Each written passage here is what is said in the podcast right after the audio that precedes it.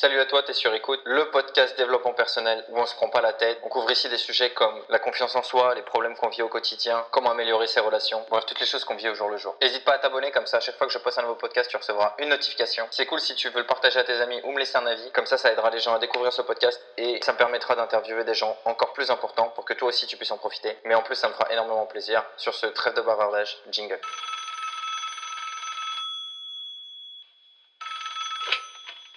Allô, c'est toi Quitte pas, t'es sur écoute.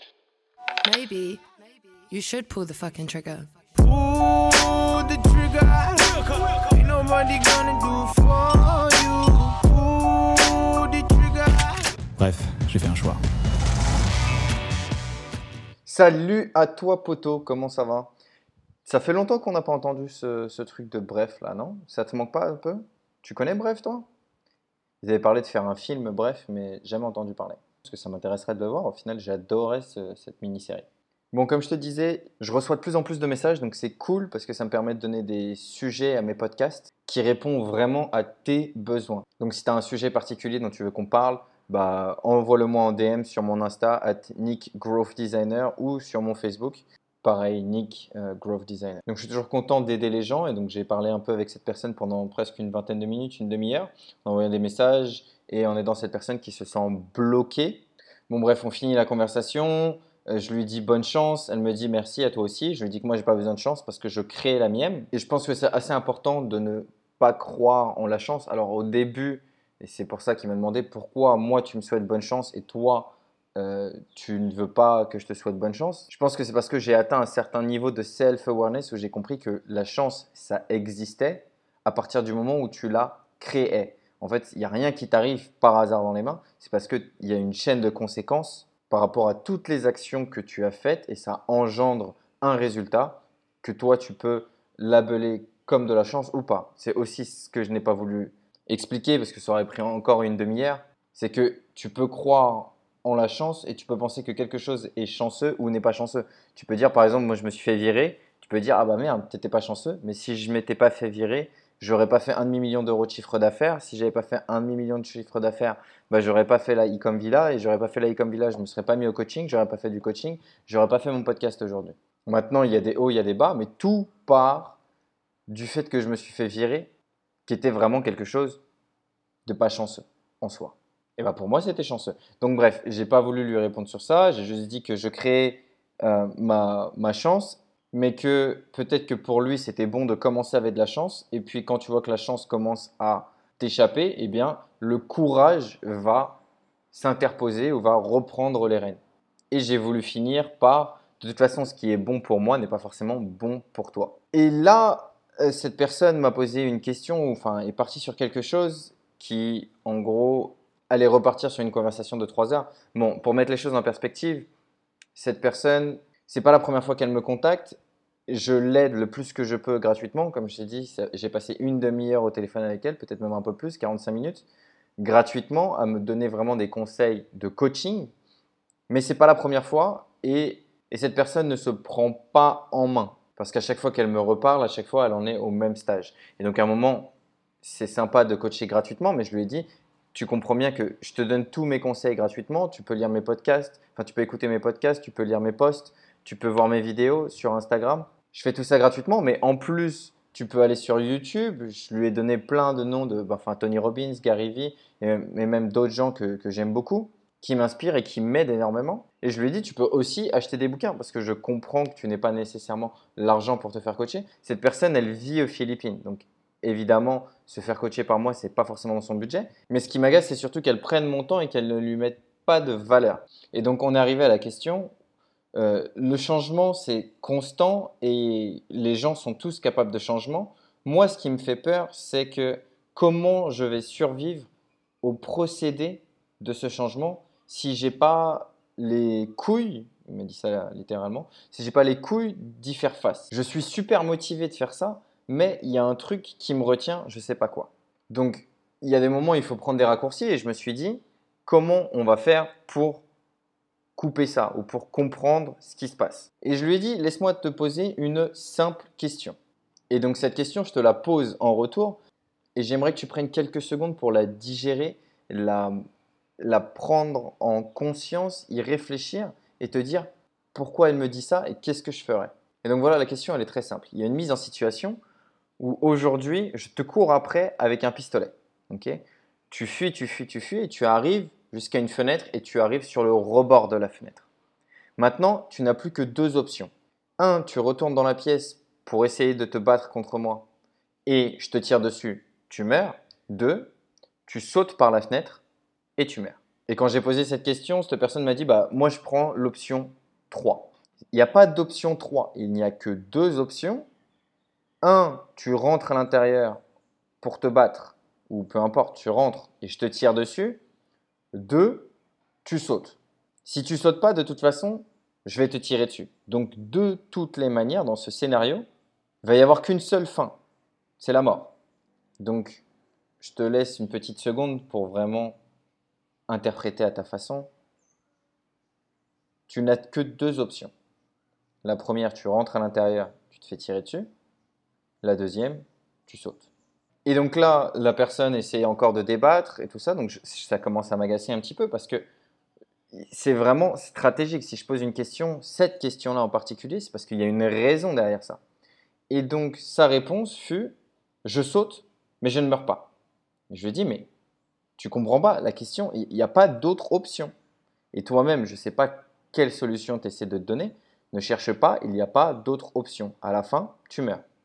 Et pourquoi cette question? Ce que j'essayais d'expliquer et ce que je veux te faire comprendre à toi aussi aujourd'hui, c'est qu'on est souvent dans des situations où on se dit je sais pas quoi faire et on se bloque en fait. Et on se retrouve à rester dans une constance ou dans un scénario où on bouge pas et on laisse la vie défiler devant nous. Mais en vrai, par exemple, tu as un travail, tu as un emploi. Tu sais pas si tu veux le garder ou si tu veux démissionner. Tu que deux options. Soit tu le gardes, soit tu démissionnes. Donc là, soit tu sautes, soit tu te fais tirer dessus. Mais que tu le gardes ou que tu démissionnes, à la fin, tu vas mourir. Tu as plein de choix à faire dans la vie. Mais de toute façon, il faut savoir qu'à la fin, tu vas mourir. Et donc d'attendre et de ne pas prendre de décision, c'est gâcher le peu de temps que tu as ici pour arriver à la même conclusion, qui sera la mort. Et vraiment la conclusion qu'il faut avoir, hormis le fait que tu vas mourir, c'est que ton temps est très précieux. Et tu peux faire tous les choix que tu veux. Mais fais des choix, parce que chaque choix, encore une fois, va t'apporter un certain niveau de chance, un certain degré de courage, peu importe. Mais chaque choix que tu feras va t'amener vers un choix nouveau. Et faire le choix du non-choix, c'est le mauvais choix. Ça fait beaucoup de choix dans ma phrase, mais ce que je veux dire, c'est que si tu es attentif de ta vie, tu n'auras que des regrets plus tard. Souvent, quand tu demandes à une personne qui est sur son lit de mort, euh, qu'est-ce que tu aimerais dire, qu'est-ce que tu aimerais faire, ou tu vois, quels sont tes regrets, la liste est longue et ils se disent pas non, mais c'est bon, euh, je regrette pas de ne pas avoir voyagé plus, je regrette pas de ne pas avoir dit je t'aime plus à ma femme ou à mon homme, euh, je regrette pas de pas avoir mangé plus sain, je regrette pas de pas avoir traversé la route, hormis si tu décèdes en te faisant écraser par un bus. Et encore une fois, si tu pouvais ou on pouvait te poser la question qu'est-ce que tu aurais aimé faire de plus, probablement que la liste serait longue. Alors, on a très peu de temps sur cette terre quand on y réfléchit bien. Alors pourquoi le passer à rester sur place ou sur le côté de la route? Pourquoi pas prendre le bus? Le bus de la vie qui t'amène à ta destination finale. Et tu peux prendre le bus, tu peux prendre la voiture, tu peux prendre la moto. En fait, tu as plein de choix. Mais la destination finale, de toute façon, c'est la même. Donc, pourquoi hésiter à faire ces choix? Tu peux te dire, ok, bah, j'ai peur parce que si je quitte mon travail, bah, j'aurai plus de revenus. Si j'ai plus de revenus, je vais me retrouver à la rue. Si je me retrouve à la rue, blablabla. Mais c'est quoi vraiment la pire chose qui puisse t'arriver dans la vie? Est-ce que c'est vraiment de te retrouver à la rue ou est-ce que c'est de mourir? De façon atroce De toute façon, tu vas mourir. Les gens autour de toi vont mourir. Donc, c'est pas la pire chose qui puisse arriver de perdre ton travail. Donc, pourquoi pas essayer tout simplement de travailler d'une façon différente ou de créer ta propre entreprise? Il y a une chose que tu dois comprendre, c'est que peu importe le choix que tu fais, il y a toujours des conséquences et donc il y a toujours une leçon à en tirer. Et peu importe les choix que tu fais, donc d'aller à l'école ou de ne pas aller à l'école, d'aller au travail ou de ne pas aller au travail, d'être entrepreneur ou d'être employé, d'apprendre ou ne pas apprendre, de grandir ou ne pas grandir, de faire du sport ou de ne pas faire du sport, toujours il y a des conséquences. Et quand tu apprends ces conséquences, tu peux te dire, bah, je suis pas allé à l'école quand j'étais jeune, aujourd'hui, j'ai compris qu'il fallait que je le fasse. Je suis allé à l'école quand j'étais jeune, ça m'a pas servi à grand chose, donc je vais passer plus de temps à faire des trucs qui me servent. Quoi? Bah, De la pratique ou trouver un mentor ou peu importe. Mais il y a toujours des conséquences. Et donc peu importe que tu sois dans une situation où est-ce que je vais à la salle de sport ou est-ce que je n'y vais pas, bah, si tu n'y vas pas, tu regardes quel impact ça a sur ta vie. Est-ce que c'est un impact que tu aimerais changer? Et si tu y vas, quel impact ça a sur ta vie? Est-ce que c'est un impact que tu aimerais changer? Et une fois que tu es dans cette situation, tu bouges. Maintenant, si tu restes à hésiter, est-ce que je dois le faire? Est-ce que je dois pas le faire? Est-ce que je dois le faire? Est-ce que je dois pas le faire? Est-ce que je dois faire? Est-ce que je dois pas le faire? Tu as 80 ans, boum, c'est la fin. Et au final, là, tu te diras ah bah j'aurais jamais dû le faire parce que euh, voilà ou ah bah j'aurais dû le faire parce que voilà.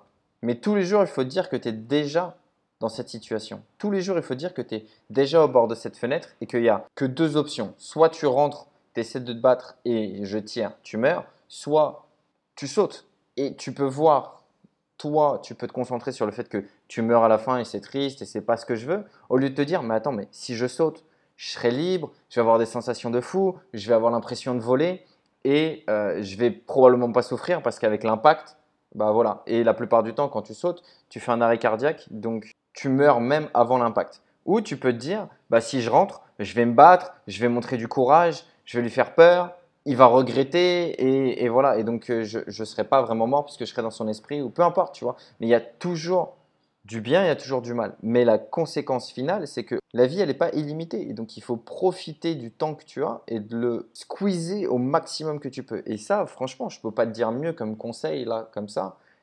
Réfléchis tous les jours quand tu fais quelque chose à qu'est-ce que tu pourrais faire d'autre, qu'est-ce que ça t'apporterait et quel serait le pire qui puisse t'arriver.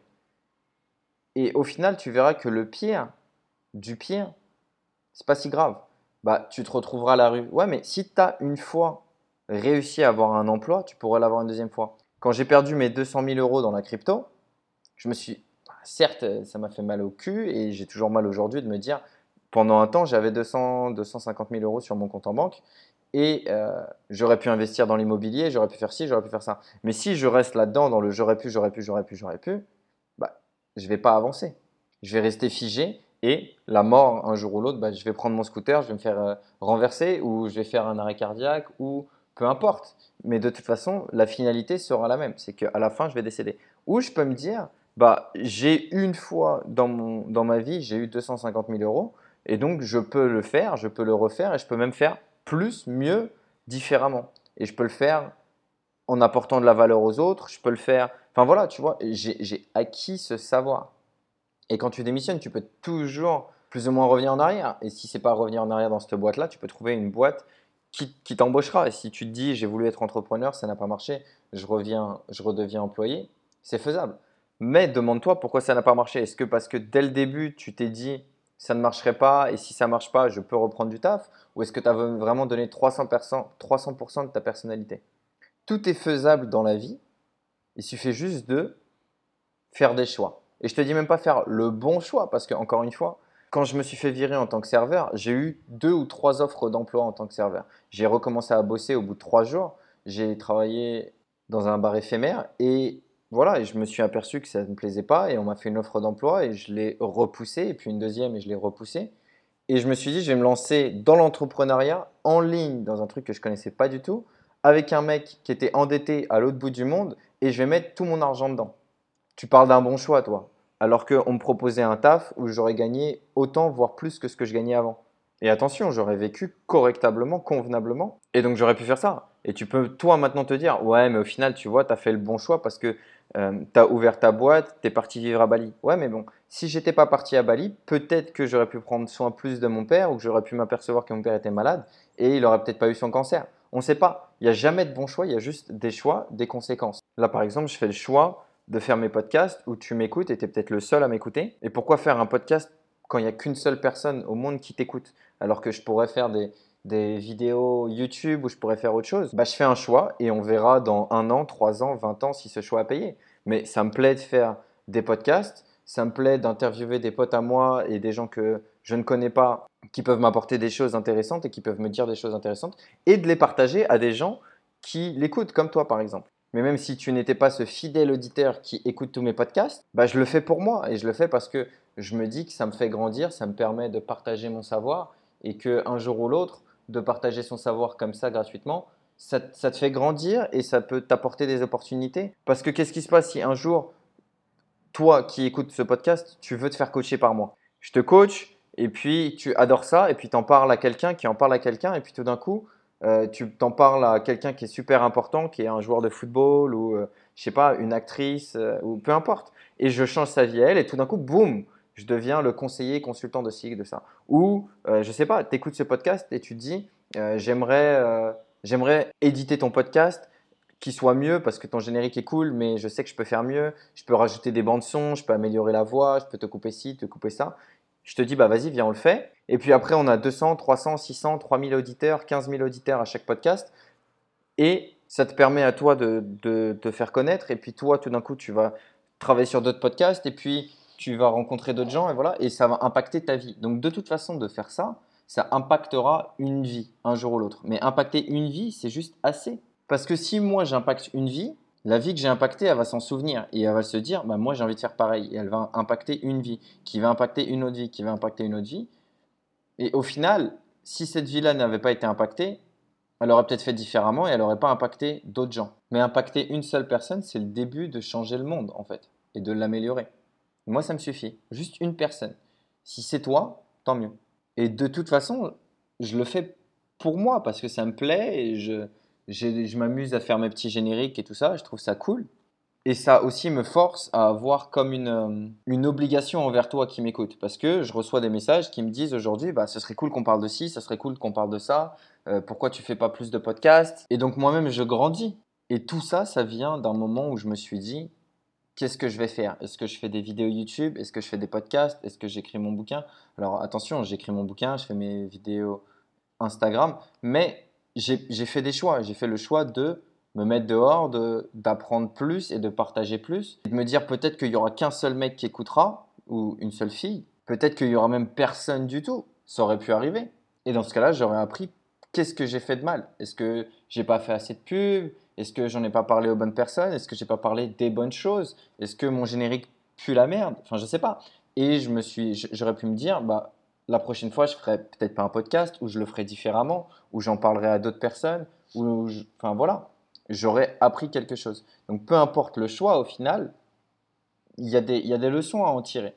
Mais il y a toujours un choix A, un choix B. Il peut y en avoir 300 des choix. Et plus tu vois des choix, plus justement tu vas rester dans le mauvais qui sera ne pas faire de choix, ne pas faire de décision, ne pas bouger. Et le corps humain, le- l'esprit, le, subconscient, le conscient, il est fait pour grandir, il est fait pour apprendre. Et le jour où tu arrêtes d'apprendre, c'est le jour où tu meurs en fait. C'est le jour où tu vas commencer à rentrer dans un, un vice de dépression ou d'addiction ou de peu importe en fait. À partir du moment où tu ne grandis plus, et quand je te dis grandir, ça ne veut pas forcément dire devenir un savant, hein, mais c'est juste t'améliorer. C'est pour ça qu'en général, quand tu es au travail et que tu apprends des choses nouvelles tous les jours, tous les jours, tous les jours, ça te plaît. Et le jour où tu t'es retrouvé à faire la même chose pendant 25 ans et que tu n'as rien appris, tu n'as rencontré personne de nouveau et tout, tu déprimes. Tu n'as plus envie d'aller à ton boulot. Et cette personne-là, qui me demande des conseils, elle est dans cette phase-là. Et elle est dans la phase où elle ne bouge pas. Et quand je lui pose cette question et que je lui dis bien, tu vas mourir à la fin, elle me dit non, mais il y a toujours une troisième option, ou elle se crée elle-même une option, ou elle me dit pourquoi je devrais choisir tes options alors qu'il y a tellement d'options? Mais t'as pas compris que l'intérêt c'était pas les options ou pas les options, c'était que à la fin tu meurs de toute façon. Donc te fais pas chier à te dire à, créer des nouvelles options et à essayer, d'en trouver des nouvelles. Juste dis-toi que à la fin le résultat ce sera toujours le même. Donc si tu te retrouves dans cette, dans cette situation où il y a trop de choix devant toi et tu sais pas lequel faire, dis-toi que il suffit d'en faire un et après tu peux aller en faire un autre et un autre et un autre. Tant que tu apprends de ces choix, c'est le plus important. Bon bah voilà, c'est tout pour moi aujourd'hui. Si tu as aimé ce podcast, n'hésite pas à me laisser un commentaire ou un like ou enfin je sais pas trop comment ça marche, une étoile sur iTunes, Stitcher, Google, Spotify. N'hésite pas à le partager à tes potes aussi parce que peut-être que toi t'es pas dans cette situation mais peut-être qu'un de tes potes est dans cette situation et ça peut l'aider. Ça peut aussi m'aider à me faire connaître et donc à pouvoir avoir plus de crédibilité et interviewer des personnes un peu plus intéressantes pour et donc de grandir aussi. Si tu as des questions, n'hésite pas à me dropper un message sur mon Insta ou sur mon Facebook. Je suis en train de réfléchir à l'idée de créer un site internet juste pour ce podcast pour que tu puisses ou, ou que s'il y a quelqu'un d'autre qui m'écoute et que vous êtes deux, puissiez communiquer ensemble et que je puisse voir Quel genre de sujet vous intéresse le plus T'es un amour de m'avoir écouté. Sur ce, je raccroche. À la prochaine. C'est l'histoire d'un homme qui tombe d'un immeuble de 50 étages. Le mec, au fur et à mesure de sa chute, il se répète sans cesse pour se rassurer. Jusqu'ici, tout va bien. Jusqu'ici, tout va bien. Jusqu'ici, tout va bien. Mais l'important, c'est pas la chute. C'est l'atterrissage.